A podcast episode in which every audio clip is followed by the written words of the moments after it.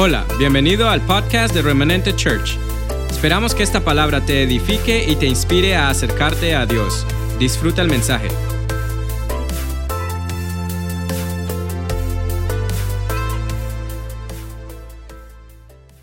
arrancar esta palabra en el poderoso nombre de Jesús. Que el Señor nos hable. Reciban un caluroso saludo de los pastores de nuestro apóstol Wilmer Franco, que en este momento está predicando en Colombia. En este momento, en este instante está predicando él allí.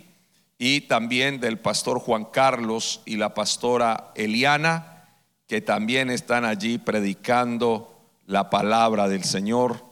Así que mientras yo estoy aquí, ellos están ahí. Mire qué buen trabajo, qué buena sinergia podemos hacer con las iglesias, porque esta casa planta iglesias, ¿sabía ustedes? Esta casa es plantadora de iglesias y lo seguirá haciendo hasta la venida de nuestro Señor. Amén. Muy bien, amados. El tema de esta mañana se llama marcas. ¿Cómo se llama? Marcas o huellas. Gálatas 6:17. Espíritu Santo hable y yo me calle para que Él haga como quiera. Gálatas 6:17 dice la escritura, de aquí en adelante, mira al que está a tu lado y dile, de aquí en adelante. Es fácil, ¿verdad? De aquí en adelante, mira a la señora que tiene a su lado, por favor, y dígale, de aquí en adelante, nadie me, nadie me moleste. Vamos, dígalo conmigo, de aquí en adelante, no sé cómo se diga eso en inglés, pero quiero que suene bien. De aquí en adelante nadie me cause molestias. Alguien, sí, no me distraiga, no me moleste, déjeme quieto, dicen en Colombia. Al que está quieto se le deja quieto. De aquí en adelante. ¿Listo? Es decir, como que hace una, hace una, un stop eh, para un momento y dice, de aquí en adelante, nadie me cause molestia. Quisiera uno, ¿verdad? De aquí en adelante. Y dice la otra parte del versículo de Gálatas 6, 17, porque yo traigo en mi cuerpo las marcas del Señor Jesús. Wow, imagínate eso. De aquí, ¿cómo? En adelante nadie me cause molestia, porque yo traigo en mi cuerpo las marcas del Señor Jesús. Dos, un sueño y una visión. En el sueño, Jesús me dice, ve donde Fénix, ve donde Fénix. Y yo, eso me inquietó. Entonces yo llamé a la pastora Fénix, una mujer especialista en sanidad interior y consejería, que hace 22 años, 21, 22 años, trató el abuso sexual en mi vida. Yo nunca fui homosexual, pero sí fui abusado sexualmente. Y a mí eso me impactó. Que me dijera fuera de Fénix. Así que yo pedí mi cita, le dije, pastora, ¿cómo está ella? Feliz, eh, casi a su hijo. Y ahora estoy muy pendiente de su hijo, luego de que él también fue pastor para mí, ahora yo soy el pastor para él. Él ahora es ingeniero. ¿Y dónde cree que comenzó ella a preguntar? Hace 22 años, mamá, no hablaba con ella. Y ahora que me senté, para mí sigue siendo igual, 22 años después, y ella arrancó en el abuso es una parte que uno quisiera como quitar, como ya no hablar del tema. Pero cuando me senté, consulté con mi esposa está conmigo en esta mañana, la pastora Jessica, por favor. Love you, mom.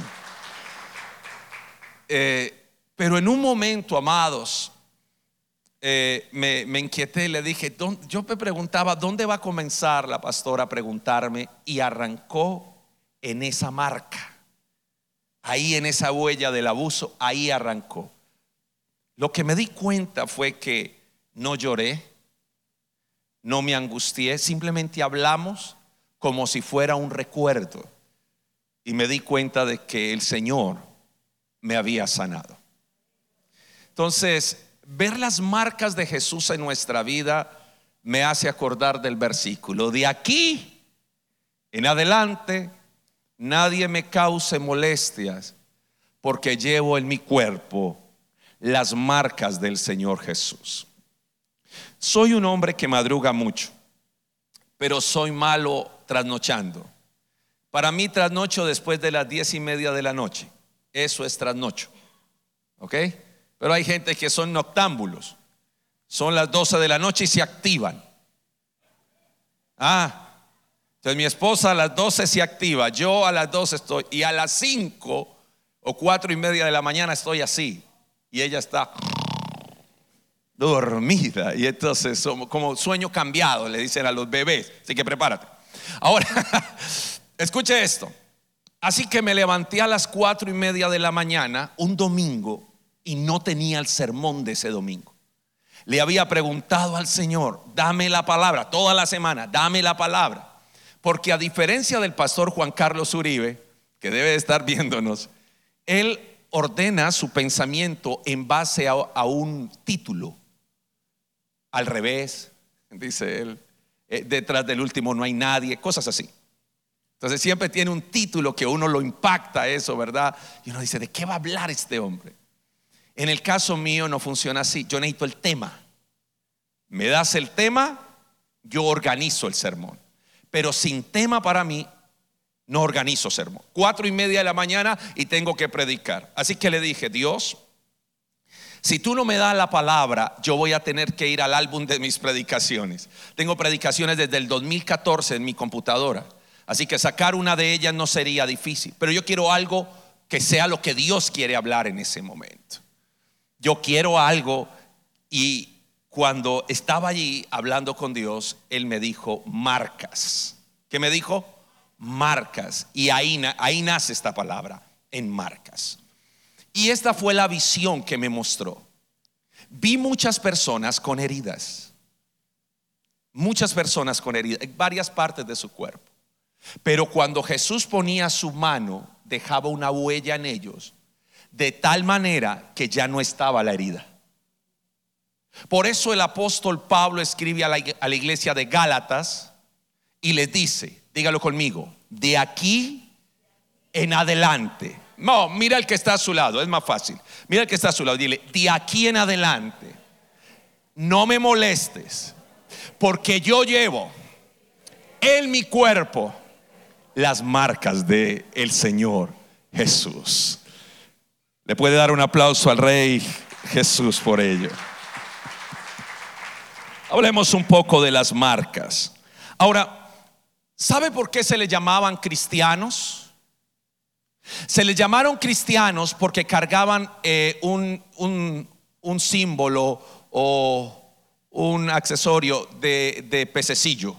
¿Verdad que no? ¿Por qué se les llamó a los cristianos cristianos? porque se parecían a Cristo. Se les llamó en una región de Asia Menor, en Antioquía, se les llamó cristianos porque tenían las marcas de Cristo, hablaban como Él, experimentaban esa vida como Él.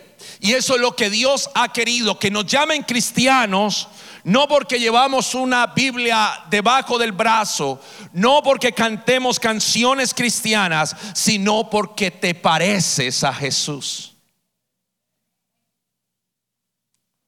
Porque te pareces a quién? A Jesús. ¿No ha visto usted que ciertos rasgos físicos nos ayudan a definir de dónde es una persona? Lo mismo sucede con los cristianos. Se le llaman cristianos porque tienen las marcas de Jesús, porque se parecen a Jesús.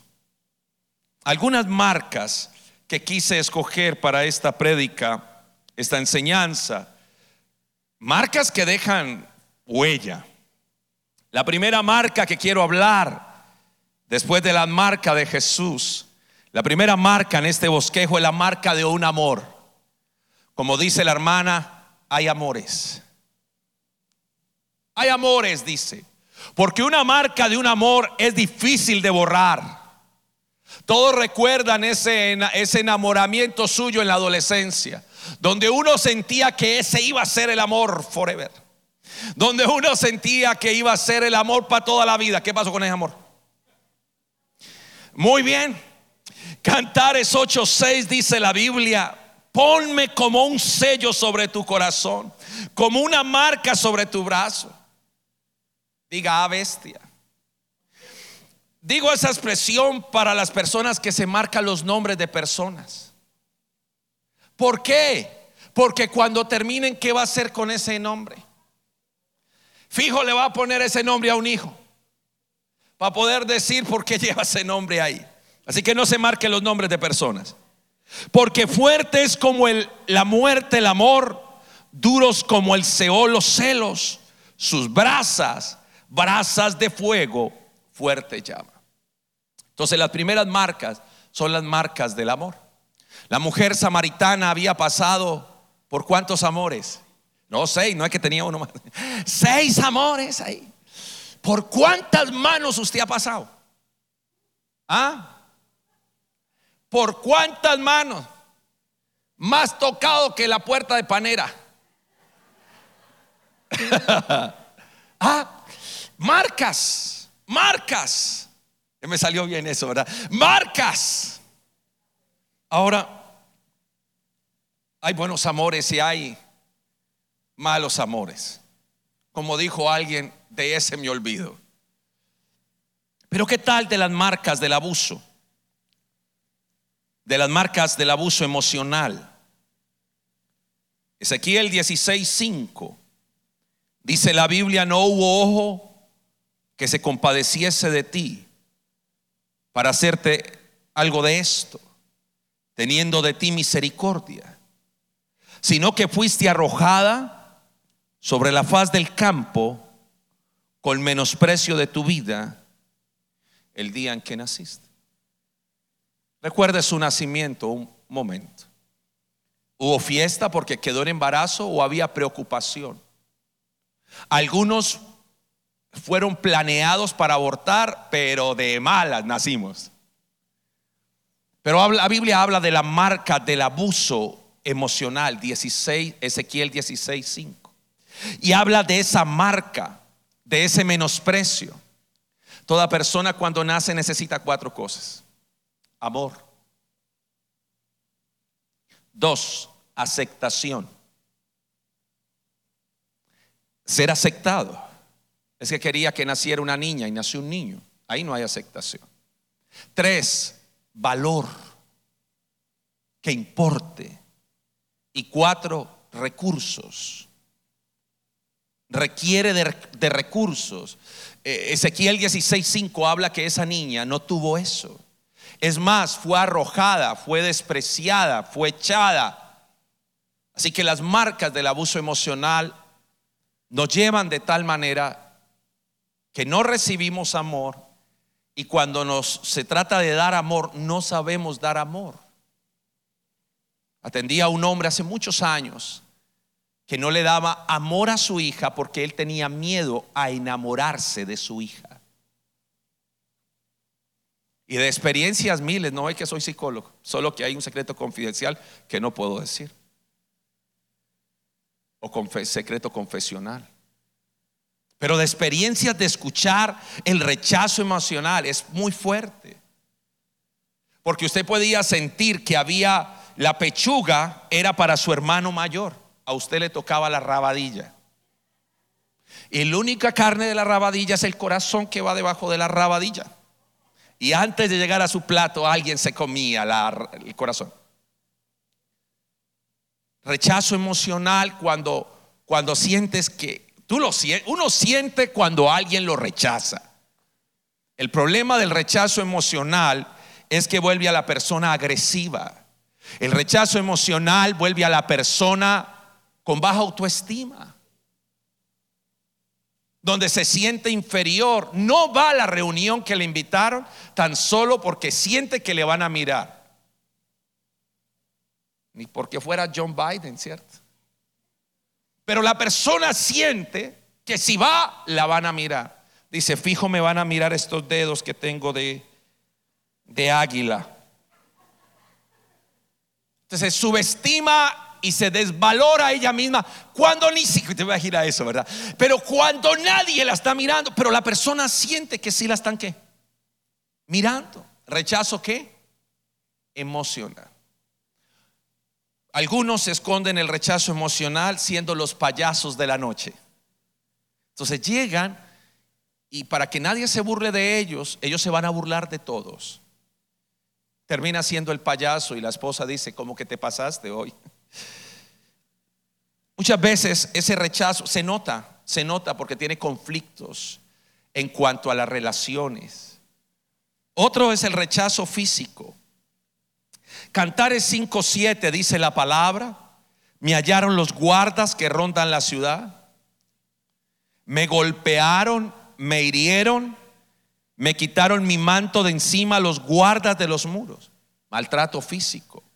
Algunos, es más, yo me acuerdo, yo no sé cuántos de aquí, pero nos daban con la correa, con ramales nos daban. Los jóvenes, pues cuando están muy jovencitos como Carlos Leighton, pues no se acuerdan. Pero otras personas sí que nos daban duro. Es más, usted la hacía y pagábamos todos. Le pegaban a uno por monosílabos y por sospechas. Por si acaso, de una vez llevaba también.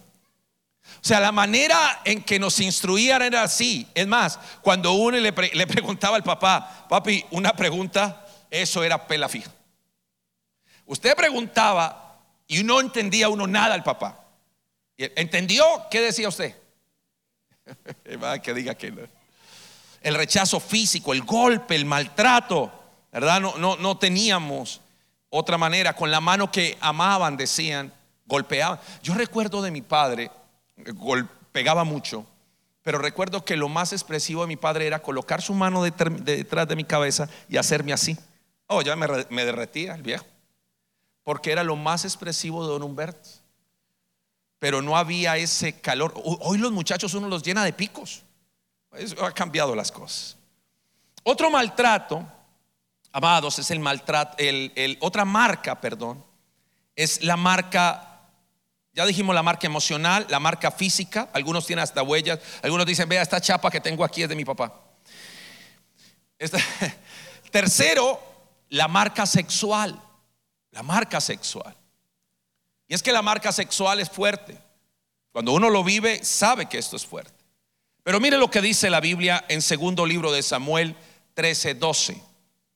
Ella entonces le respondió, no, hermano mío. ¿Quién la estaba abusando? Su hermano. Su hermano. Niña de 15 años, que desde la edad de siete años abusada por su padre, y él siempre le dijo que el único hombre que la podía conocer era él. Marcas que quedan muy fuertes del abuso sexual. Dijo, no me hagas violencia, porque no se debe de hacer así en Israel. No hagas tal vileza, porque ¿a dónde me iría yo con mi deshonra?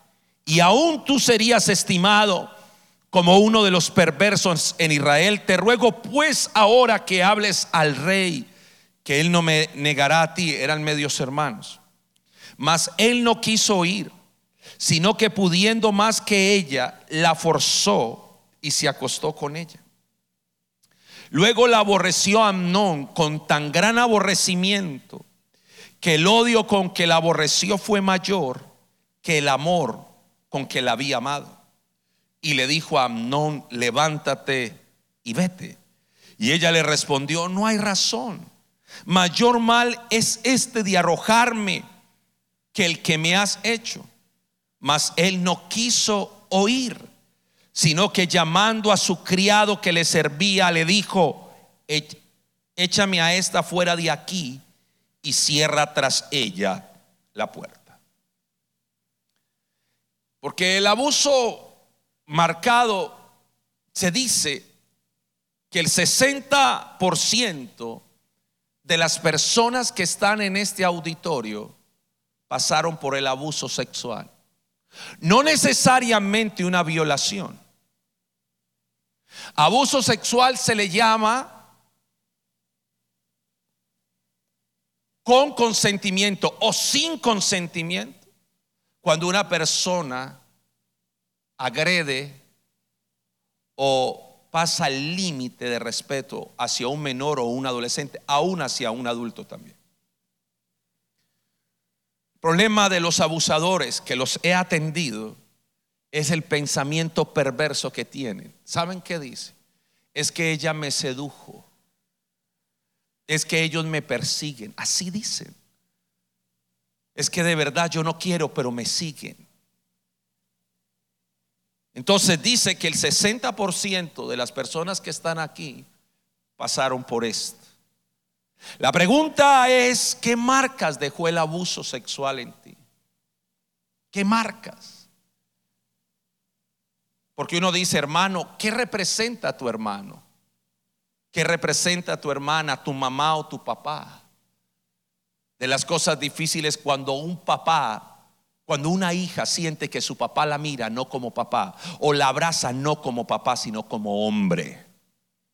Y allí deja unas marcas.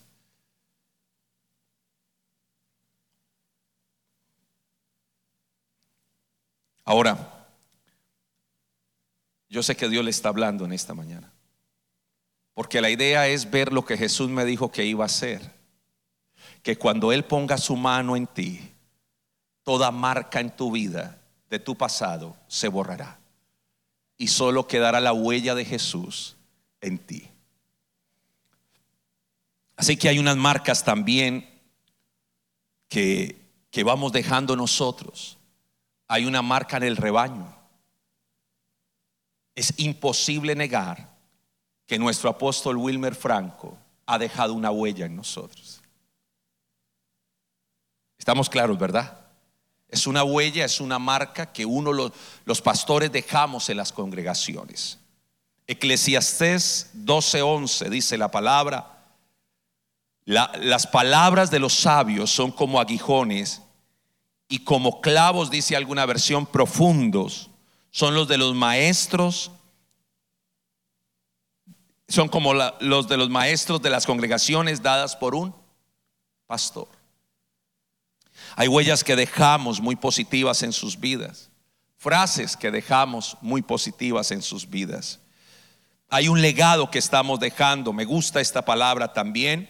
Gálatas 4:19 habla de la, del legado que el apóstol Pablo había dejado y dijo, hijitos míos, por quienes vuelvo a sufrir dolores de qué?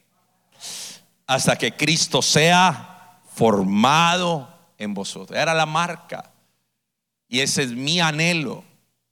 Mi anhelo no es solamente verlo en la iglesia. Mi anhelo no es solamente que usted aprenda los principios de la Biblia. Mi anhelo es que Cristo sea formado en vosotros. Eso fue lo que Jesús le dijo al joven rico.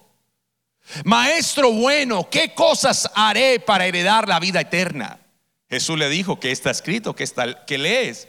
Cumple los mandamientos y él dijo, todos los he guardado. No dijo los he cumplido, pero sí los he guardado. ¿Qué más falta?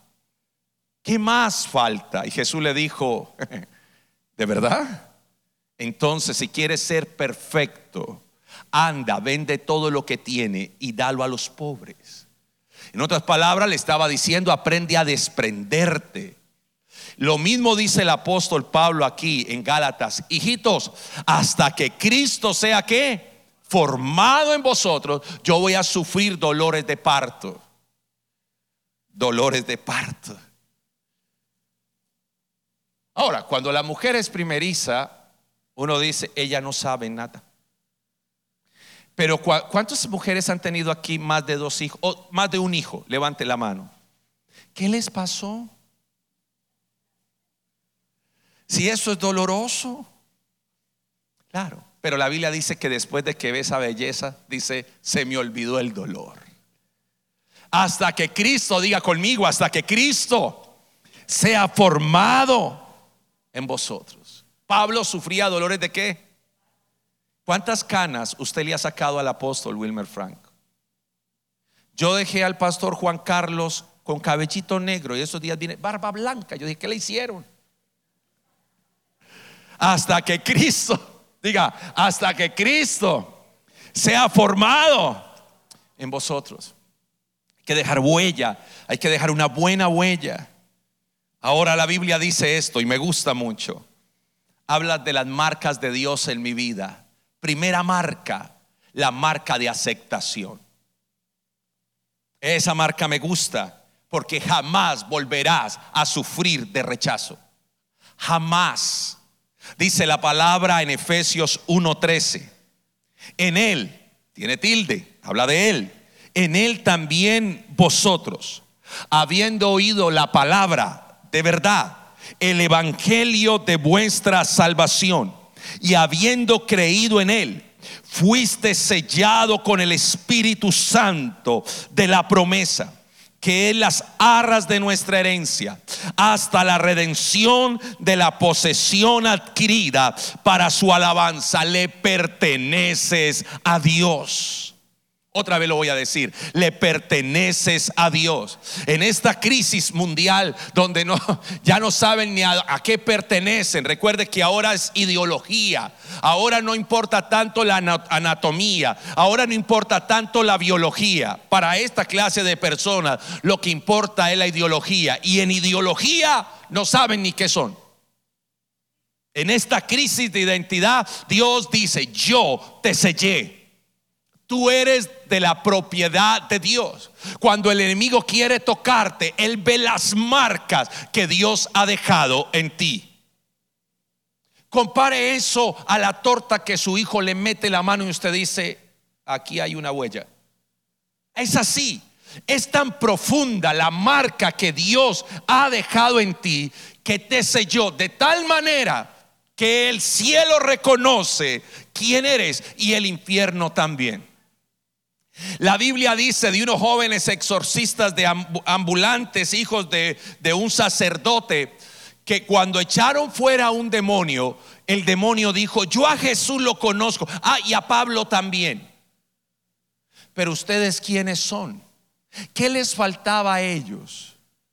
Dígalo, ¿qué les faltaba? ¿Por qué el enemigo no lo reconoció? Porque no había qué no había marcas. Amado, cada proceso por el cual has pasado, Dios ha ido dejando una huella, una marca. Entre ellos, yo le pertenezco a Dios. Vamos, dígalo conmigo. Yo le pertenezco a Dios. Yo le pertenezco a Dios. A partir de lo que le voy a decir, jamás le vuelve a mendigar amor a nadie. Usted será una fuente de amor. Cambias el nombre. Se llamará Love. Usted será, imagina Gustavo, Love. escuche eso. Usted será una fuente porque la Biblia dice que el amor de Dios ha sido derramado en mi corazón. Es tal el amor de Dios que lo que transpira será amor. No te echas desodorante tres días y vas a transpirar amor. Y usted se ríe, pero... Primera de Juan 4:10 dice, en esto consiste el amor. No en que nosotros hayamos amado a Dios, como ni sabíamos amar, sino que Él, diga, Él nos amó a nosotros y envió a su Hijo en propiciación, satisfacción por nuestros pecados. Es tal el amor, es tal la marca de amor que Él ha dejado, que no me importa cuántos nos rechazaron o cuántas se perdieron de tan fabuloso hombre, pero el amor de Dios nos ha llenado, nos ha saciado. No le mendigamos amor a nadie. Porque su amor es tal, la revelación de ese amor es tal, que no estamos aquí para demandar amor, estamos aquí para dar amor. Aleluya. Entonces todo ese rechazo por el cual pasaste y Dios viene y te inunda de amor. Entonces te llaman, hola, soy Ramiro. Ramiro de Colombia, un ejemplo. Ramiro de Colombia. Algunos se llame Ramiro y dice, ¿qué pasó, pastor? De Colombia, de Colombia. ¿Te acuerdas? Y usted dice, ni me acuerdo. Dios me ha llenado tanto que lo que, lo que tú me hiciste se acabó. No lo recuerdo. Porque cuando la gloria es mayor, las cosas se olvidan. Y la Biblia dice, la gloria de esta casa. ¿Cuál casa? A ver, toques el pechito. Que suene la batería. La gloria de esta casa, diga, será mayor. Otra vez, vamos, dígalo, dígalo. La gloria de esta casa será mayor por el amor que Él te ha entregado. Cada huella, cada marca que dejaron hombres y mujeres en ti, no sé si ya lo notó, han ido desapareciendo. ¿Por qué? Porque Él ha estado colocando su mano. Y donde Jesús pone su mano, desaparecen las marcas.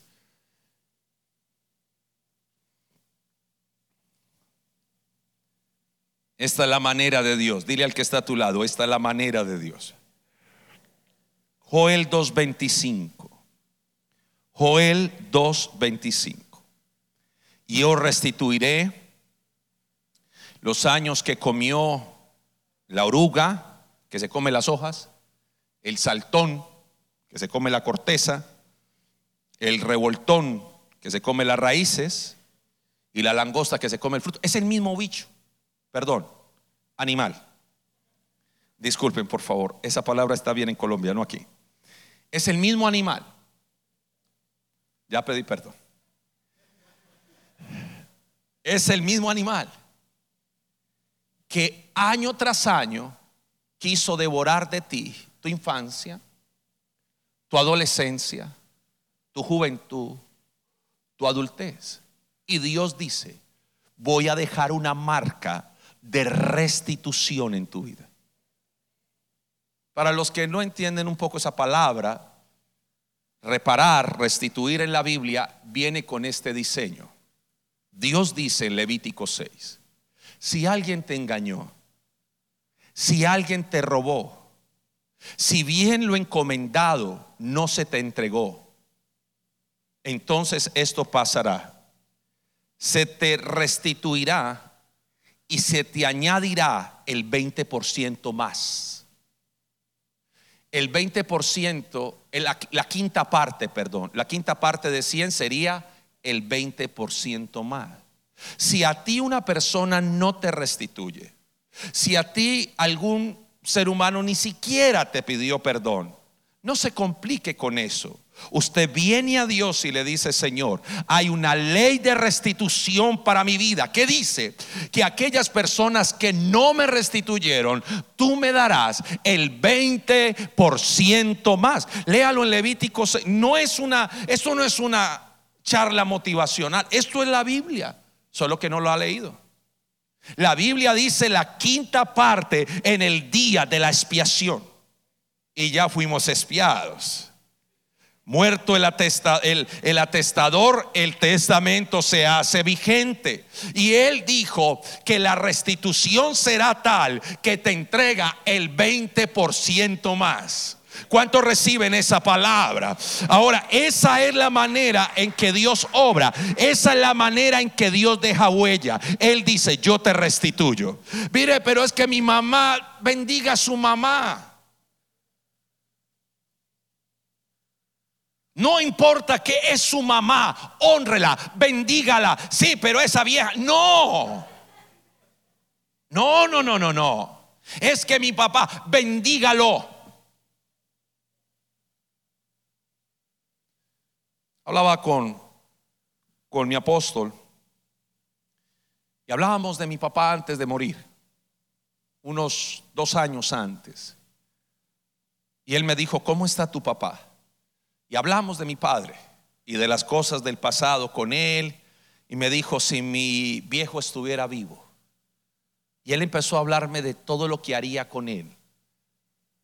A mí eso me, me tocó mucho y me dijo, hazlo y ahí está mi esposita. Fuera de la mesada que dábamos para papá y mamá, yo empecé a apartar algo para él especial.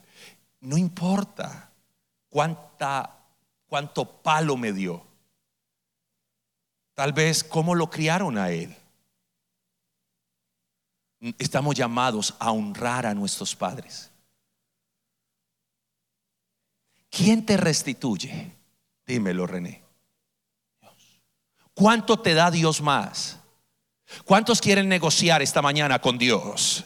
Y le dice, ok, Señor, esa persona que te trató así, esa persona que no te restituyó, ¿quién te restituye? Yo restituiré los años que comió la oruga, el saltón, el revoltón. Y para los que se confunden con la parte que dice mi gran ejército que envié contra vosotros, era por la maldad de ese pueblo que vinieron ejércitos. Pero usted ha sido redimido, alabe a Dios por eso. Isaías 61:7 dice la palabra, Isaías 61:7. En lugar de tu doble confusión y en lugar de vuestra deshonra, os alabarán por sus heredades, por lo cual en sus tierras poseerán, diga conmigo, doble honra. Vamos, dígalo, doble honra. En lugar de tu bipolaridad, doble en lugar de tu doble confusión y de vuestra deshonra. Porque dirá usted es que me deshonró, es que me humilló, es que me maltrató, es que, ok, la generación de los es que. Estoy hablándole a hombres y mujeres en esta mañana que le pueden decir a Dios, Dios, tu palabra dice que en lugar de doble confusión, en lugar de deshonra, se me entregará doble honra y tendré perpetuo gozo. Wow. Escucha, cuando toma la palabra así de serio, ¿dónde queda la depresión? ¿Dónde queda la ansiedad? Te, despiertas agitada, agitado. Y Dios dice en esta mañana, ven, te quiero dar gozo. Estás ahí en ese hogar para dar, porque yo soy una fuente en ti. Así que estás mendigándole amor a tu esposo o a tu esposa. Estás mendigando a ver si de pronto, no. Empieza tú. Di, soy una fuente. Dígalo, dígalo, soy una fuente. Y de repente las marcas de deshonra desaparecen, las marcas de confusión. Pastor, ¿y qué hago con esta vergüenza? A mí me da pena hablar de esos temas. Isaías 54, 4 dice, no temas. Otra vez, no temas. Otra vez, no temas. Porque en esquema, el esquema que formaron en ti fue de miedo. Viene un hombre próspero, bendecido, y tiene miedo a quedar en la indigencia, en la pobreza extrema. Es tal el miedo que él ha planeado suicidarse con su esposa y matar a sus hijos. No puedo creer eso, es un ministro de una iglesia. No puedo creer eso. Y yo le digo, Dios, ¿qué pasó? Un hombre tuyo pierde el sueño, no duerme más y ahora planea suicidarse, literal. ¿Qué pasó? Dije, déjame ver. Y me fui al pasado del hombre. ¿Cuántos años tiene? Y le dije, ¿qué pasó cuando tu papá y tu mamá tenían esa misma edad? Y me dijo, quebraron financieramente. Le voy a enseñar algo revelador. Aprenda pues. Cuando el espíritu inmundo sale de una persona, va a lugares desérticos buscando reposo y no lo haya. Entonces dice, volveré. Volveré. Así. Te dice, volveré. El atrevido ese. Habían pasado 40 años, 30 años porque no volví a la otra semana. 30 años. Y este demonio volvió a visitar a este joven, ya adulto. Y usted dice, pastor, ¿por qué hay cosas que yo dejé la niñez y ahora reaparecen? Porque el demonio espera para volver hasta que la casa está vacía. Y no importa si tiene 70 años, hombre, abusador.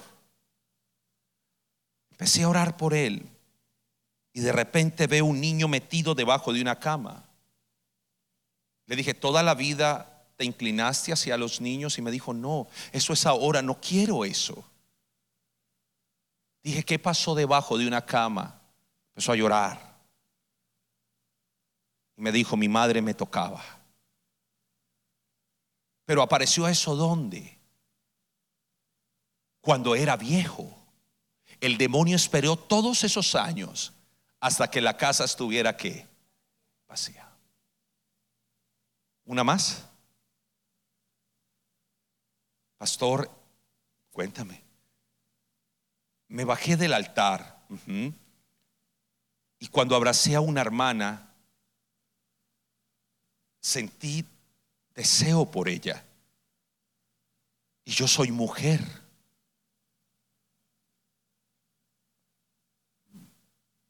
Y yo no quiero eso. Soy una mujer de Dios y no entiendo eso. ¿Dónde busqué el demonio? ¿Dónde lo busqué? Atrás.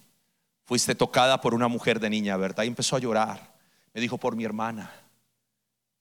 ¿Cuántos años esperó ese demonio para aparecer? Entonces, entonces entendí que mucho de lo que pasa hoy está allá. Y cuando cortamos esa línea de Ezequiel 16, cuando dice que no fue cortado el ombligo, ni salada con sal, ni envueltas en fajas, y cuando dice la Biblia que no fue cortado su ombligo, muchos todavía tienen lazos en el pasado que tienen que qué?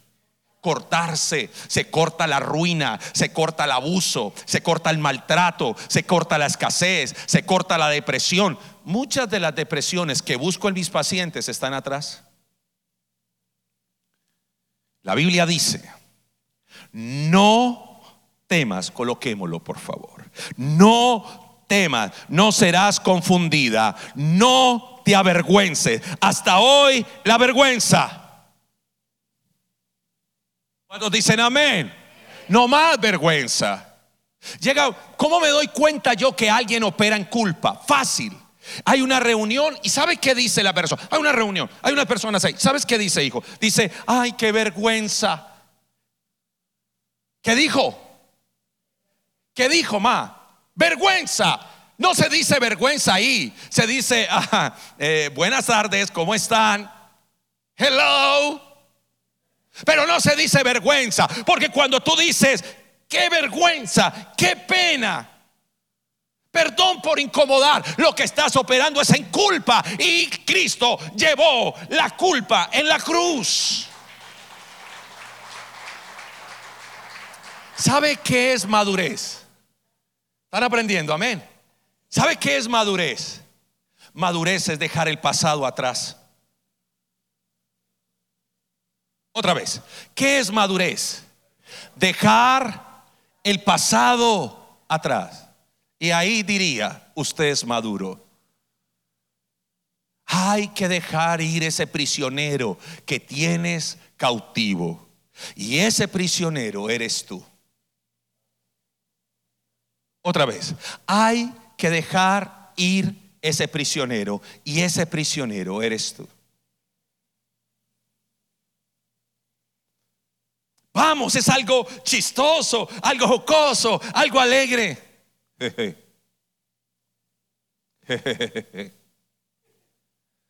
Porque sientes que si te ríes se van a burlar de ti. O así. Muestra los, dientes. Diga, no temas. No serás confundida, no te avergüences, no serás afrentada, sino que te olvidarás de la vergüenza de tu juventud y de la afrenta de tu viudez, no tendrás más memoria. Porque tu marido es tu hacedor, Jehová de los ejércitos es su nombre, tu redentor, el santo de Israel Dios de toda la tierra, será llamado. Hay versículos, considero que he leído varias veces la Biblia, ya ni sé cuántas veces. Un poco más de 20 veces. Pero uno de mis profesores de teología la leía como cinco o seis veces al año. Así que eso no, no es presumir. Deberíamos de leer la Biblia de verdad, ¿verdad? Pero ¿qué pasa cuando hay versículos que usted dice, yo nunca había leído este versículo? Yo porque no me di cuenta de este versículo.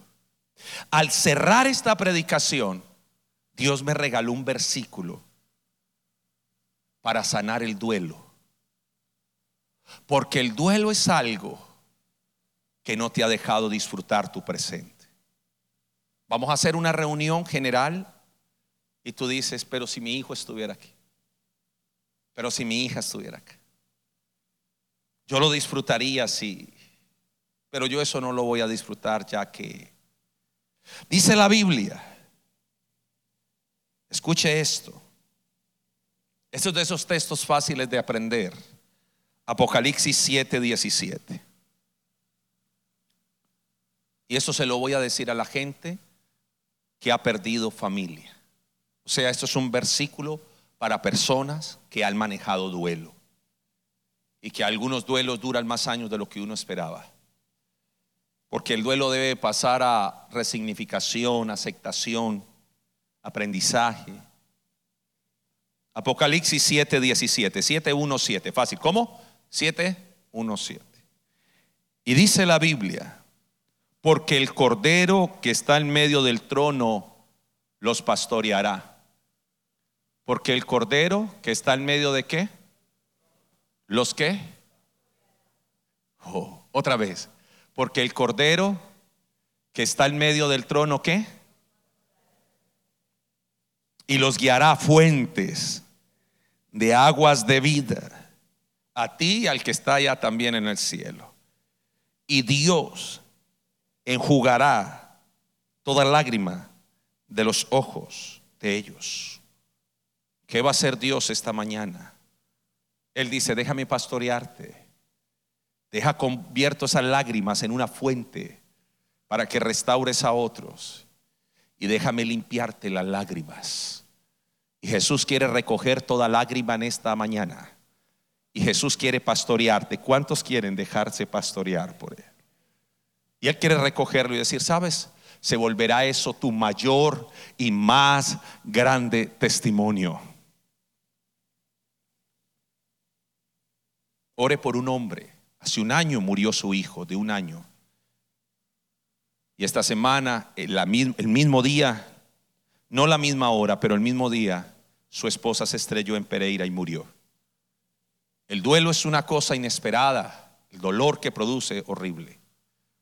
Pero ahí hay una promesa de Dios que dice, yo los pastorearé, yo haré de ellos una fuente, yo voy a secar sus lágrimas. Amados, que nadie te moleste. Repito el texto para cerrar la predicación. Que nadie te moleste. No quiero que nadie te moleste de aquí en adelante, Gálatas 6, 17, de aquí en adelante nadie te moleste, porque yo traigo en mi cuerpo, diga conmigo, yo traigo en mi cuerpo las marcas del Señor Jesús. Vamos a orar. Y en aquellas heridas vivas que tal vez tienes, Jesús se va a glorificar en esta mañana. Tal vez son marcas, tal vez Usted dice, pastor, ¿por qué este miedo a fracasar? Tengo miedo a fracasar. no, vamos bien. Tengo miedo a que mi marido me deje. ¿Ah? No, pastor, yo lo voy a dejar. Entonces, no te va a dejar, pero tienes temor. Y en el amor no hay temor porque el perfecto, diga conmigo, el perfecto amor echa fuera el temor. Déjame que Jesús ponga sus huellas en ti. Colócate sobre tus pies, por favor. Lo quitas, por favor, Juancho. Deja que pon, y levanta tus manos. Es tu momento. Es tu momento. No hay otro momento, es tu momento para que tus heridas sean saciadas, para que tus heridas sean cerradas. Es tu momento. Y no sé por qué vayas a pasar aquí al frente, pero tú pasarás por algo. No necesariamente es abuso, quede un miedo, quede un temor, quede eso. Acabo de atender a una familia. Murió. ¿Por qué? Por miedo. No por COVID. Murió de ansiedad. La ansiedad cerró sus, bronquios, su tráquea y lo mató. Creo que es un momento oportuno para levantar tus manos y decirle a Jesús, coloca tus marcas en mí. Algunos necesitan Jesús colocando sus manos en su cabeza, otros en su corazón, otros recogiendo la historia dolorosa.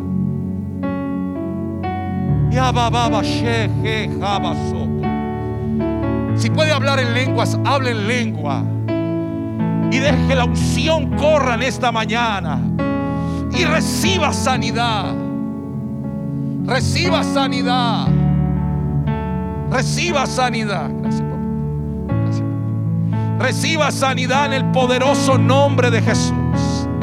Y deje al Espíritu. Esperamos que este mensaje haya sido de bendición. No te olvides de suscribirte a nuestro podcast y seguirnos en Facebook e Instagram arroba remanente.